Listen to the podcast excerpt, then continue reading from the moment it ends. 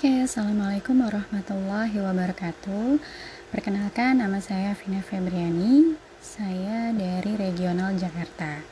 Pada kesempatan kali ini, saya ingin sharing sedikit tentang komunikasi suami istri. Secara spesifik, topik yang mau saya bahas adalah tips berkomunikasi produktif dengan suami. Saya mendapatkan referensi terkait dengan komunikasi suami istri dari buku karya John Gray yang judulnya Men Are From Mars, Women Are From Venus. Buku ini menurut saya menuliskan tips-tips yang sangat konkret dan efektif yang sudah saya buktikan sendiri e, memang bisa membuat komunikasi antar suami istri itu lebih lancar gitu. Nah, karena uh, kali ini saya saya akan sharing yang dengan ibu-ibu, maka saya akan lebih banyak bicara dari sudut pandang seorang istri. Bagaimana seorang istri uh, bisa memahami sosok suami dan bisa memperlakukan suami sesuai dengan karakteristik suami tersebut. Oke, kita masuk ke poin pertama. Poin pertama, kita perlu paham dulu nilai yang dianggap penting oleh seorang laki-laki atau seorang suami di antaranya adalah kekuasaan, keterampilan, efisiensi, dan prestasi. Maksudnya, harga diri seorang suami itu dibentuk dari pencapaian hasil yang mereka upayakan sendiri. Suami tidak akan meminta bantuan atau nasihat dari orang lain kecuali terpaksa.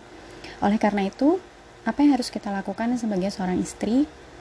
Salah satu contoh kasusnya misalnya uh, ketika suami melakukan kesalahan atau suami sedang mengupayakan sesuatu, maka sebisa mungkin kita sebagai seorang istri jangan dulu komentar atau memberi masukan sebelum diminta.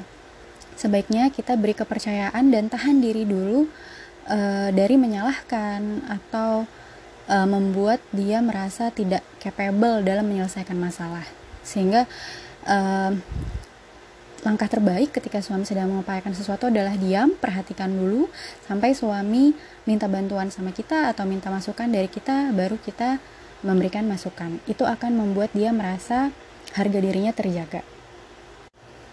Kemudian yang kedua adalah cara menghadapi stres.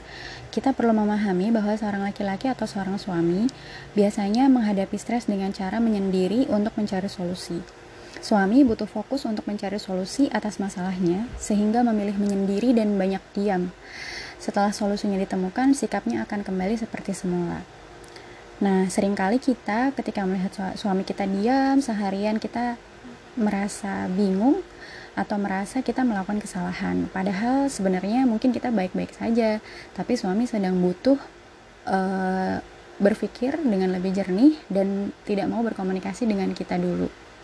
Oleh karena itu, saat suami banyak diam, sebaiknya kita jangan langsung berpikir bahwa suami marah pada kita atau lantas kita merasa tidak dicintai. Lalu sebaiknya bagaimana? Pertama, tetap layani suami dengan baik, namun jangan banyak bertanya atau berusaha mendesak suami untuk bercerita. Kemudian juga beri ruang dan waktu untuk suami menyelesaikan masalahnya. Sebagai hiburan bagi kita, kita bisa uh, fokus untuk mengerjakan hal lain yang kita sukai. Insya Allah, ketika suami sudah menyelesaikan masalahnya, dia akan kembali dengan wajah yang cerah dan uh, dengan kehangatan yang seperti sebelumnya. Yang ketiga adalah sumber motivasi. Sumber motivasi bagi seorang suami itu adalah perasaan dibutuhkan oleh pasangan. Jadi, sudah fitrahnya seorang suami itu termotivasi ketika dia merasa dibutuhkan dan dipercaya. Bila diberi peluang untuk memberi, maka ia akan mengerahkan kemampuannya untuk memberikan yang terbaik pada pasangannya. Dan bila tidak diberi peluang, maka ia akan berhenti memberi karena merasa tidak dibutuhkan. Oleh karena itu, apa yang harus kita lakukan sebagai seorang istri? Meski istri terbiasa mandiri dan mampu mengerjakan semua hal sendiri, tetap harus berikan ruang untuk menerima bantuan dan perhatian dari suami tanpa kehilangan batas kemandirian. Lalu ketika meminta bantuan, hindari kalimat perintah.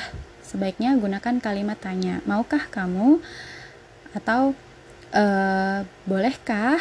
Gitu. Karena suami jauh lebih rela mengatakan ya ketika ia punya kebebasan untuk mengatakan tidak. Kemudian yang keempat adalah bahasa yang digunakan. Laki-laki atau seorang suami biasanya menggunakan kalimat eksplisit dan to the point atau diam sebagai gantinya.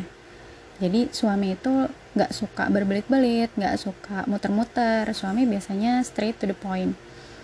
Uh, dan dia biasanya hanya akan bicara ketika sudah yakin dengan apa yang dikatakannya. Bila tidak yakin, maka suami akan memilih diam.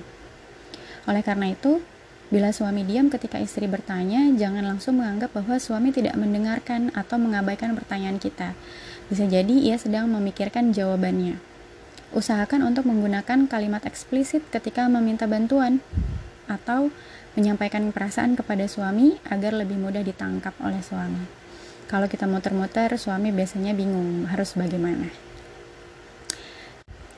Kemudian yang kelima adalah siklus intimasi atau keintiman. Laki-laki itu diibaratkan oleh John Gray seperti karet gelang. Ada kalanya dia ingin mengendur uh, seperti karet yang sedang mengendur gitu ya ingin akrab dengan kita ada kalanya dia meregang menjauh dia ingin melakukan aktivitas sendirian misalnya melaksanakan hobinya atau e, berkegiatan dengan teman-temannya ini adalah sesuatu yang wajar dan merupakan cara suami untuk menyeimbangkan kebutuhannya akan kehangatan dan sekaligus kebebasan tips untuk kita sebagai seorang istri adalah ketika suami sedang ingin menarik diri, jangan mengejarnya atau menghukumnya. Beri ia kesempatan untuk menikmati kesendiriannya dan yakinlah bahwa ia akan kembali untuk membangun kehangatan dengan istri. Bila istri ingin bicara, istri bisa menanyakan kapan suami bisa meluangkan waktu untuk bicara tanpa bersikap mendesak. Bila istri sedang butuh hiburan atau perhatian, kita bisa menghubungi sahabat wanita kita atau pergi mengerjakan hal yang disukai. Kemudian yang terakhir, uh, kita perlu memahami penilaian seorang suami atas ekspresi cinta pasangan. Biasanya bagi suami cinta atau ekspresi cinta itu dimaknai dari seberapa besar dan kecil usaha yang dilakukan. Misalnya, bagi suami, pemberian cinta yang membutuhkan usaha besar, misalnya memberikan perhiasan, layak mendapat nilai lebih besar dibandingkan pemberian cinta yang membutuhkan usaha kecil, misalnya memeluk kita atau e, mengatakan I love you gitu ya. Nah, hal ini membuat seorang suami itu fokus mengejar hal-hal besar dan mengabaikan perhatian-perhatian kecil yang sebenarnya sama pentingnya bagi istri. Makanya kita kadang mungkin menemukan suami-suami yang sibuk bekerja mencari nafkah karena menurut dia itu adalah ekspresi cinta yang luar biasa gitu buat seorang istri. Padahal di satu sisi kita sendiri inginnya selain nafkah tentu saja kita juga ingin ada ekspresi kasih sayang, sentuhan-sentuhan uh, kecil yang membuat kita merasa dicintai gitu. Lalu bagaimana mengatasi ini? Uh, tips untuk kita Jangan menghukum suami ketika luput memberikan perhatian-perhatian dalam bentuk sederhana. Sebagai gantinya, sampaikan keinginan kita secara baik-baik kepada suami tanpa menafikan pemberian besar yang sudah diupayakan. Artinya ketika beliau memberikan nafkah yang baik, kemudian e, memberikan materi, kita tetap harus berterima kasih dan bersyukur, tapi juga kita sampaikan bahwa kita ingin juga ada perhatian dalam bentuk e, hal-hal yang tidak dinilai dengan materi. Kemudian uh, saat suami memberikan perhatian kecil, kita harus berikan apresiasi secara jelas sehingga suami bisa menangkap bahwa mengerjakan hal sederhana untuk membantu istri merupakan hal yang sangat berarti bagi istri. Demikian uh, tips yang bisa saya share pada kesempatan kali ini. Semoga bisa mendapat bisa memberikan manfaat bagi teman-teman sekalian. Mohon maaf apabila ada kekurangan.